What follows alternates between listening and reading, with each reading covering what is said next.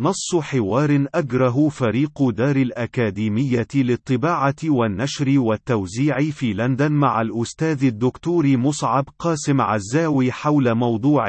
العدو الوجودي للنظم الاستبدادية فريق دار الأكاديمية. من هو برأيك العدو الحقيقي للنظم الاستبدادية؟ مصعب قاسم عزاوي الجواب المبسط والمباشر هو أن العدو الوجودي شبه الأوحد للنظم الاستبدادية في أرجاء المعمورة هو الشعوب المقهورة وطوفان المظلومين الذين تتحكم تلك النظم بحيواتهم اليومية ومآلاتها، ومصائرهم الاستراتيجية والتاريخية بأشكال وتلاوين حربائية تسري على نهج لكل مقام مقال وإخراج وحرب حبكة مسرحية محكمة، وبالطبع هناك اختلاف شكلي ظاهري في الأدوات والآليات التي تتبعها النظم الاستبدادية الفجة كتلك القائمة في عالمنا العربي المفقر المنهوب،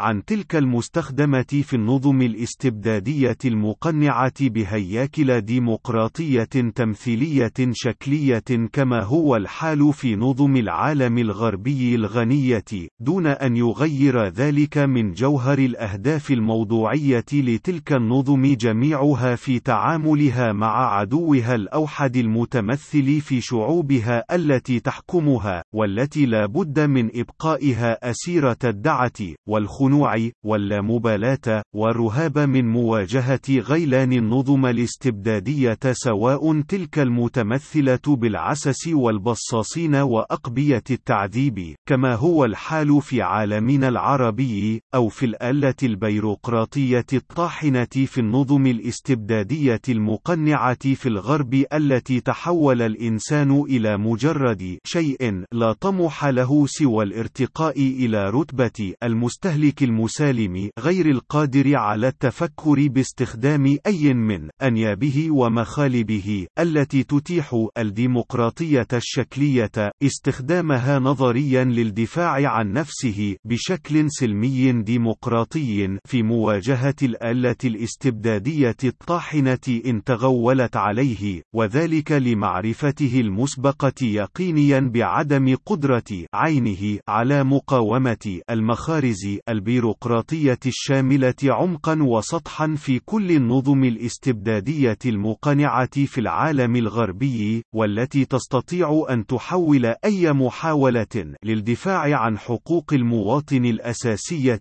إلى معركة دون كيشوتي واو لعبة عض أصابع لا خيار للإنسان البسيط فيها إلا بالتوجع والتفجع أولا وخسارة المعركة لعدم قدرته على مواجهة البناء المعقدة والمتطبقة والمتداخلة لآليات هيمنة النظم الديمقراطية الشكلية وأدواتها البيروقراطية المعقدة المسخرة المسخرة للحفاظ على تلك الهيمنة دون المساس بتلك القشرة التزويقية التي تدعي الديمقراطية التمثيلية اللازمة لضرورات مسرحية اللعبة السياسية في الغرب.